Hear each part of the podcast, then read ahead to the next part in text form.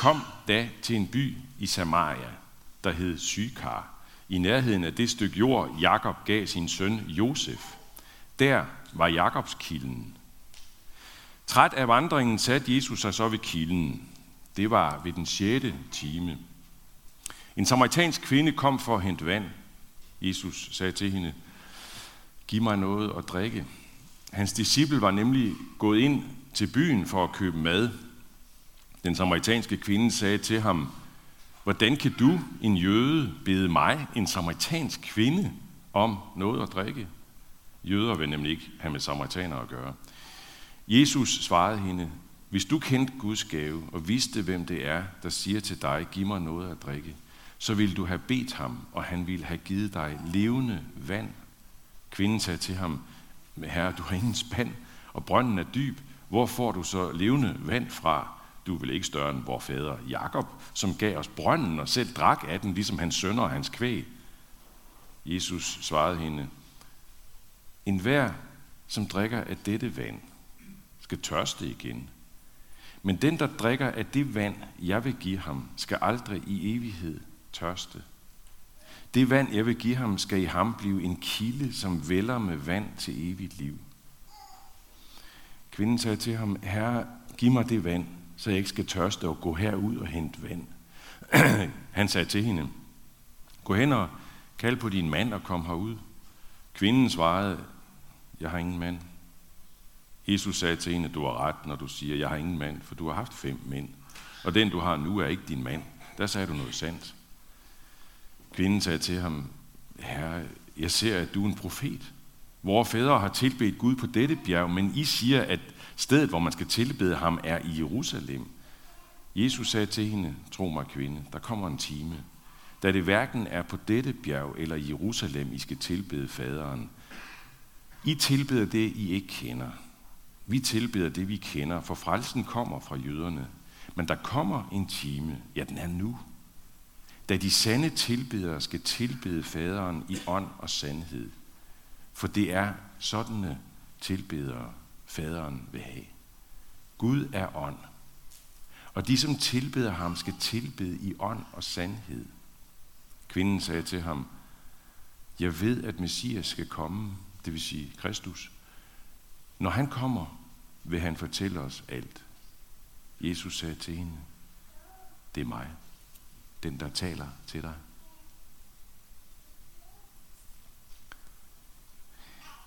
Gå hen og, og, og, og kald på din mand, siger Jesus til kvinden her ved, ved brønden. Og, øh, og så siger hun, øh, jeg har ingen mand.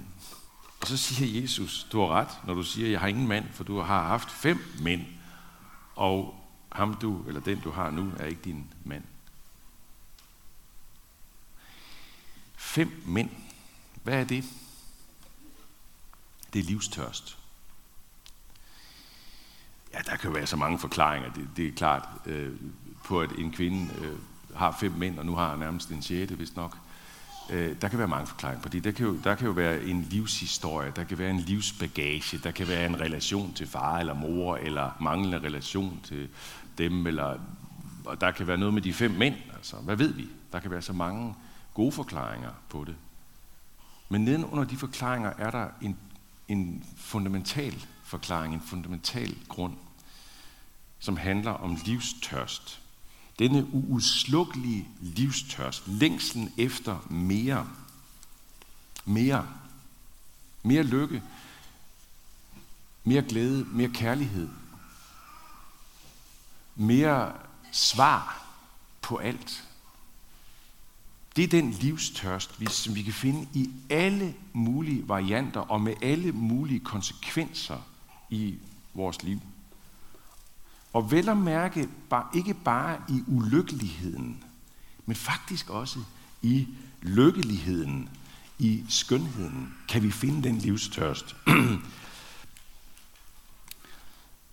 Fem mænd, der har uden tvivl været mange ulykkelige stunder i, i det der, ikke altså. Der har været meget rod og ulykkelighed i det der, som har vagt tørst efter noget andet. Men det er jo så også en tørst, som er til at tage og føle på. Det er meget håndgribeligt, ikke? Altså, et, et, nu, nu knager det og knaser det igen. Der var der igen krise af i denne relation. Jeg kan ikke mere. Sådan. Så der er en tørst efter noget andet. Ikke? I de lykkelige stunder, der kan længslen stikke meget dybere. Man ved ikke, hvad det er, man længes efter. Der kan melde sig en længsel, som man simpelthen ikke forstår. Tårerne kan melde sig i lykkelige stunder. Kender du ikke det der? For nu kommer et måske ikke meget dygt, øh, øh, dybt eksempel, men dog alligevel. Kender I det der, at man kan sidde og lytte? Man sidder måske for eksempel til en koncert, eller det kan være derhjemme, man sidder og lytter til musik, som rører en til tårer. Altså, umådelig smuk og skøn musik, og man sidder og bliver bevæget til tårer. Det er da mærkeligt, hvor man sidder der og bliver så opløftet. Altså smuk, øh, skøn musik. Hvad er det for noget? Før i tiden, der havde man et meget fint ord for det på latin. Compunctio hed det. Som man kan oversætte med den hellige smerte. Den hellige smerte. Den der mærkelige sorg, eller uro, eller længsel, som kan melde sig i noget, som er meget smukt og skønt og på en måde lykkeligt. Kan der melde sig sådan en compunctio, sådan en hellig smerte. Der er en øh, svensk professor i religionspsykologi, som har skrevet noget om det i en af sine meget fine bøger. Han hedder Ove Wikstrøm, et par af hans bøger oversat til dansk. Og i en af dem, der siger han følgende. Skønheden aktiverer derfor en anden side af livet. Den vi tidligere har kaldt længslen eller en følelse af hjemløshed. Menneskets fundamentale uro. Skønheden aktiverer menneskets fundamentale uro. Jeg tror, at de allerfleste herinde kan genkende noget af det, som jeg står og snakker om. Den her fundamentale uro, som kan dukke op på de mærkeligste tidspunkter. Jeg tror også, at mange herinde har prøvet, har prøvet at drikke af den kilde, som stiller tørsten i forhold til det her, livstørsten. Jeg kan godt afsløre, at der er mange herinde, rigtig mange, der er kommet til gudstjeneste i dag, og også gør det næste søndag og næste søndag igen og sådan, for simpelthen at få stillet denne tørst. Og få lagt dæmper på denne uro. For det ved man, når man kommer herhen i kirken, at så er det det, der sker. Det er derfor, man kommer i hvert fald. Det er det, man længes efter. Det sker måske ikke hver søndag, men man ønsker det at drikke af den kilde, som stiller den tørst. Fordi her, ved, ved en gudstjeneste som den her, der er ham, som tilbyder den kilde. Ham, som hedder Jesus. Han er her. Ham, som siger, den, der drikker af det vand, jeg vil give ham, skal aldrig i evighed tørste. Det vand, jeg vil give ham, skal i ham blive en kilde, som vælger med vand til evigt liv. Sidder sikkert også nogen her, som aldrig har drukket af den kilde, som ikke rigtig ved endnu, om de er klar til det, eller du, du synes ikke, det, det er ikke dig endnu. Det kan du ikke rigtig tro på, det der. Jeg vil bare sige, giv du må drikke lidt af den i dag, eller, eller bare blive fristet. fristet til at drikke af den. Det vil være fint. Så, så du ikke kan lade være med at komme igen, for at prøve at se, om det var værd at drikke af den kilde. Jeg har gået øh, det sidste uges tid og memoreret på et bibelvers. Det hang ikke sammen med, at jeg skulle prædike over det her i dag overhovedet. Det var, sådan, det var fordi, jeg var i gang med at læse Esajas bog i Gamle Testament, og så var der et vers, der det vil jeg gerne memorere på her i den kommende tid. Så lader jeg det uden af, så går jeg og har det i mit hoved og gentager det nogle gange om dagen. Og, øh, men da jeg så, havde, da jeg så render ind i, i, i dagens prædiketekst, så stod det mig bare, hold nu fast mand, hvor det dog hænger sammen. Nu skal I høre, det lyder sådan her. De øh, som skal vi sige, de kommer til at tørste. De kommer ikke til at tørste, når han fører dem gennem øde egne. Han vand fra klippen lader han strømme til dem. Han kløver klippen, så vandet flyder. I kan godt se sammenhængen, ikke? Det er svært at ikke at, at, at tænke, at det her det hænger der sammen. Fordi selvom man, man, man, man jo godt kan forstå ordene fra Esajas meget bogstaveligt, altså vi er jo nede i Israel, vi er nede i ørkenområdet, vi er nede i Mellemøsten, masser af ørken, og man kan forstå det meget bogstaveligt. Så det er helt klart ud fra Esajas, at det skal også forstås på samme måde som Jesu ord, billedligt, som en metafor på noget andet. Og øh, hvis man graver et, nogle spadestik dybere ned i det her, i de her tekster, så opdager man endnu mere sammenhæng. Han kløver klippen, siger øh, Esajas. Og det er helt sikkert, at der i det er en reference til det, der skete i ørkenen, da Guds folk Israel, da de vandrede fra slaveriet i Ægypten mange hundrede år før Isaias skriver ikke, så vandrede de der igennem ørkenen. Det bliver til et ophold på 40 år. Og derude er der et, et øjeblik eller en, en, et, et stund, hvor de er fuld, føler sig helt fortabt. De har ingen, der er ingen vand. De er i ørkenen. Hvad skal de gøre? De er færdige. Og så er det, at Gud siger til Moses, du skal kløve den klippe der med din stav, din vandrestav. Den skal, du skal slå på den klippe, og så kløver den, så vil der komme vand ud. Og så gør han det. Altså et meget, meget øh, forunderligt, guddommeligt øjeblik, et Guds indgreb, som giver folket et signal. Der, der er mere i det, end at de får noget vand. Det er jo dejligt, men der er mere i det. De får et signal, som er endnu vigtigere, nemlig Gud er med os. Han har ikke glemt os. Han er hos os. Han vil følge os her igennem ørkenen. Vi føler os fuldstændig fortabt, men han er hos os. Vi er ikke færdige. Der var noget altså i det, der skete der, som stillede deres en dybere tørst. Noget, der har med livstørsten at gøre. Og hvis man, så, hvis man så havde Bibelen, og så begynder at bladre en hel masse sider frem hen til Nytestamentet, sådan fra Isaias og så frem, og så helt videre frem i Nytestamentet til Paulus, så vil man kunne løbe ind i en tekst der i det, der hedder 1. Korintherbrev, som lyder på den her måde. Vore fædre drak alle af den samme åndelige drik, for de drak af en åndelig klippe, som fulgte med, og den klippe var Kristus. Var det mærkeligt, ikke? Altså, øh, Kristus som klippen, der bliver kløvet i ørkenen, og, og, og så drikker de af, af Kristus. Hvad, hvad har vi her? Men hvor giver det dog utrolig meget mening? Kristus blev netop kløvet langt senere, da han hang på korset. Ja, der var han kløvet i stykker, fra top til tå på en måde. Ikke? Hans krop og sjæl var kløvet, og fra nu af strømmede der vand ud til evigt liv. Jesus sagde engang, den, der drikker, den, der spiser mit kød og drikker mit blod, har evigt liv.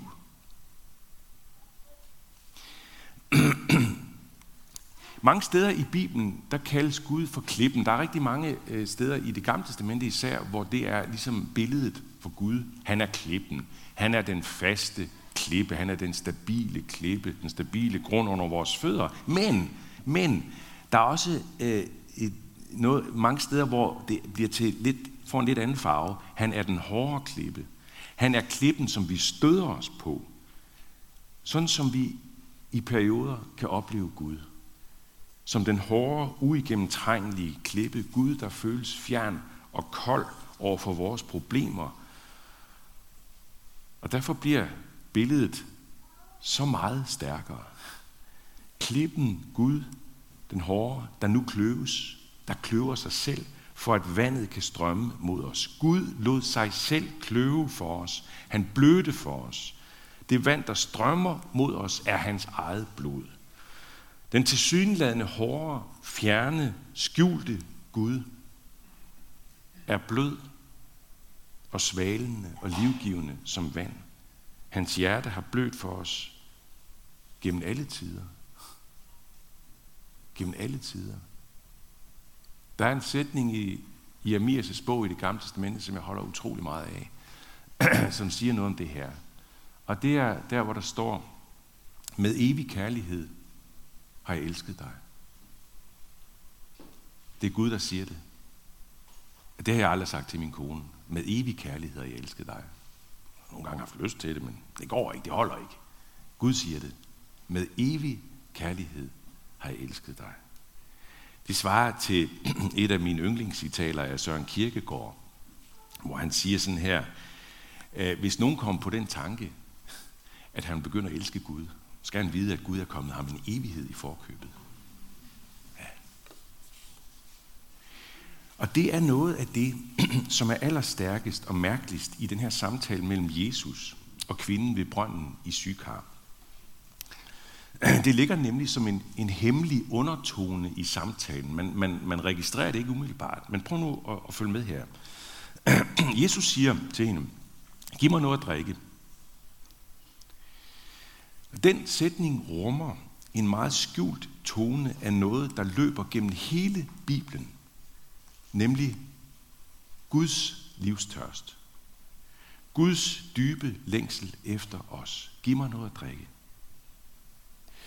På en meget øh, stærk, sådan billedlig måde, så kommer det frem i det, der hedder højsangen i det gamle testamente. Det er en lille bog, som, som øh, beskriver, øh, som handler om et, et forhold mellem mand og en kvinde. En meget erotisk skrift.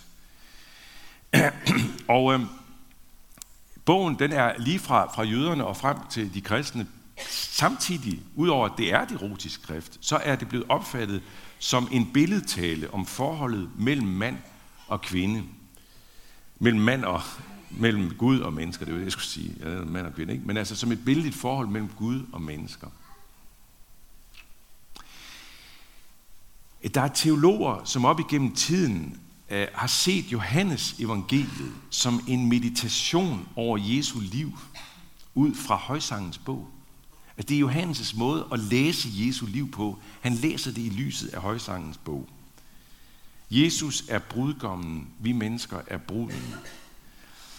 Og det svarer faktisk meget godt til øh, det, som Jesus jo ofte gør i de andre tre evangelier, Matthæus, Markus, Lukas, hvor han har mange lignelser, der har bryllupsfesten som motiv.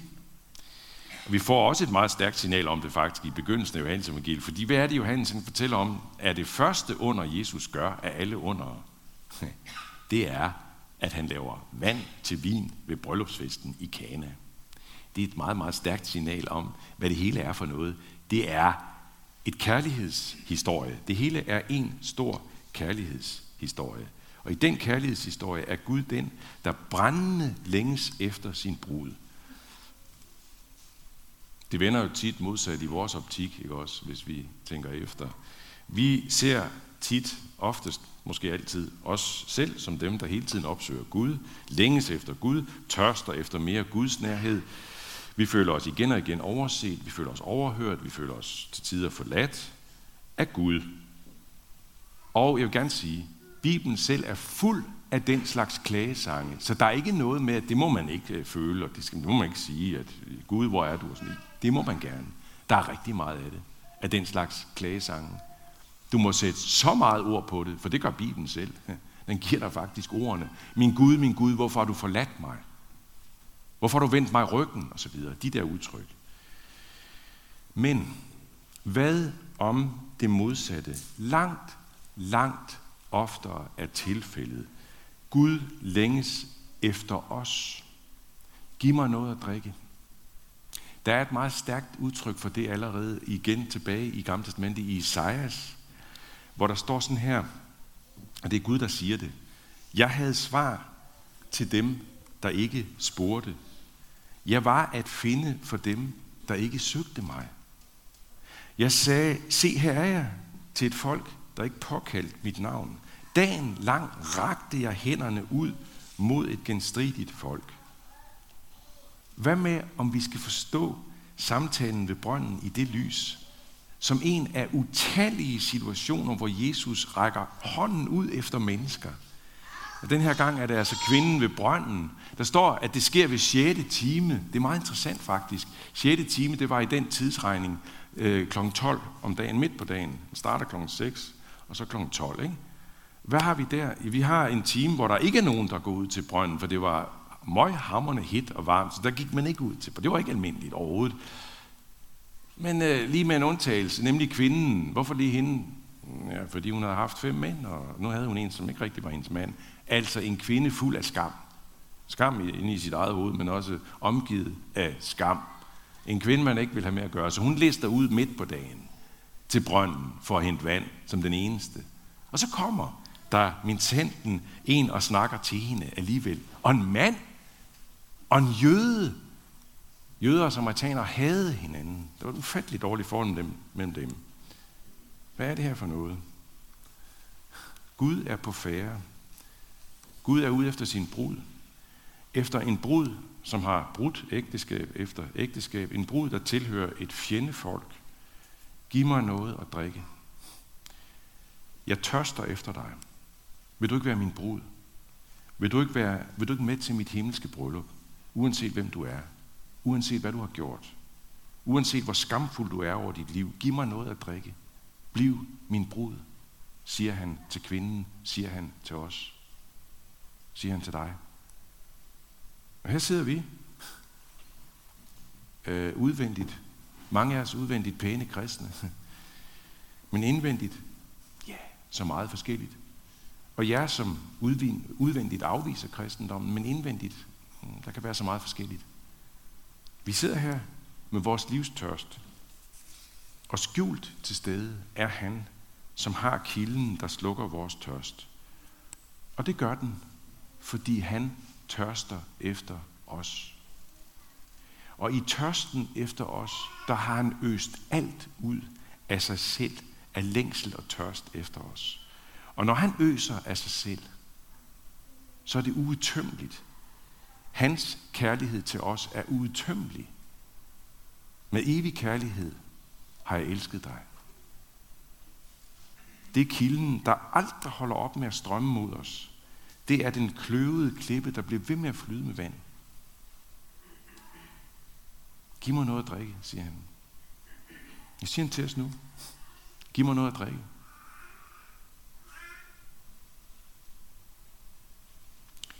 Lov, tak og evig ære Vær dig, hvor Gud, Far, Søn og Helligånd, som var, er og bliver. En sand, treenig Gud, højlovet, fra første begyndelse, nu og i al evighed. Amen. Og så vil vi rejse os og øh, sammen tilønske hinanden med apostlens ord. Hvor Herre Jesu Kristi nåde, Guds kærlighed og Helligåndens fællesskab være med os alle. Amen.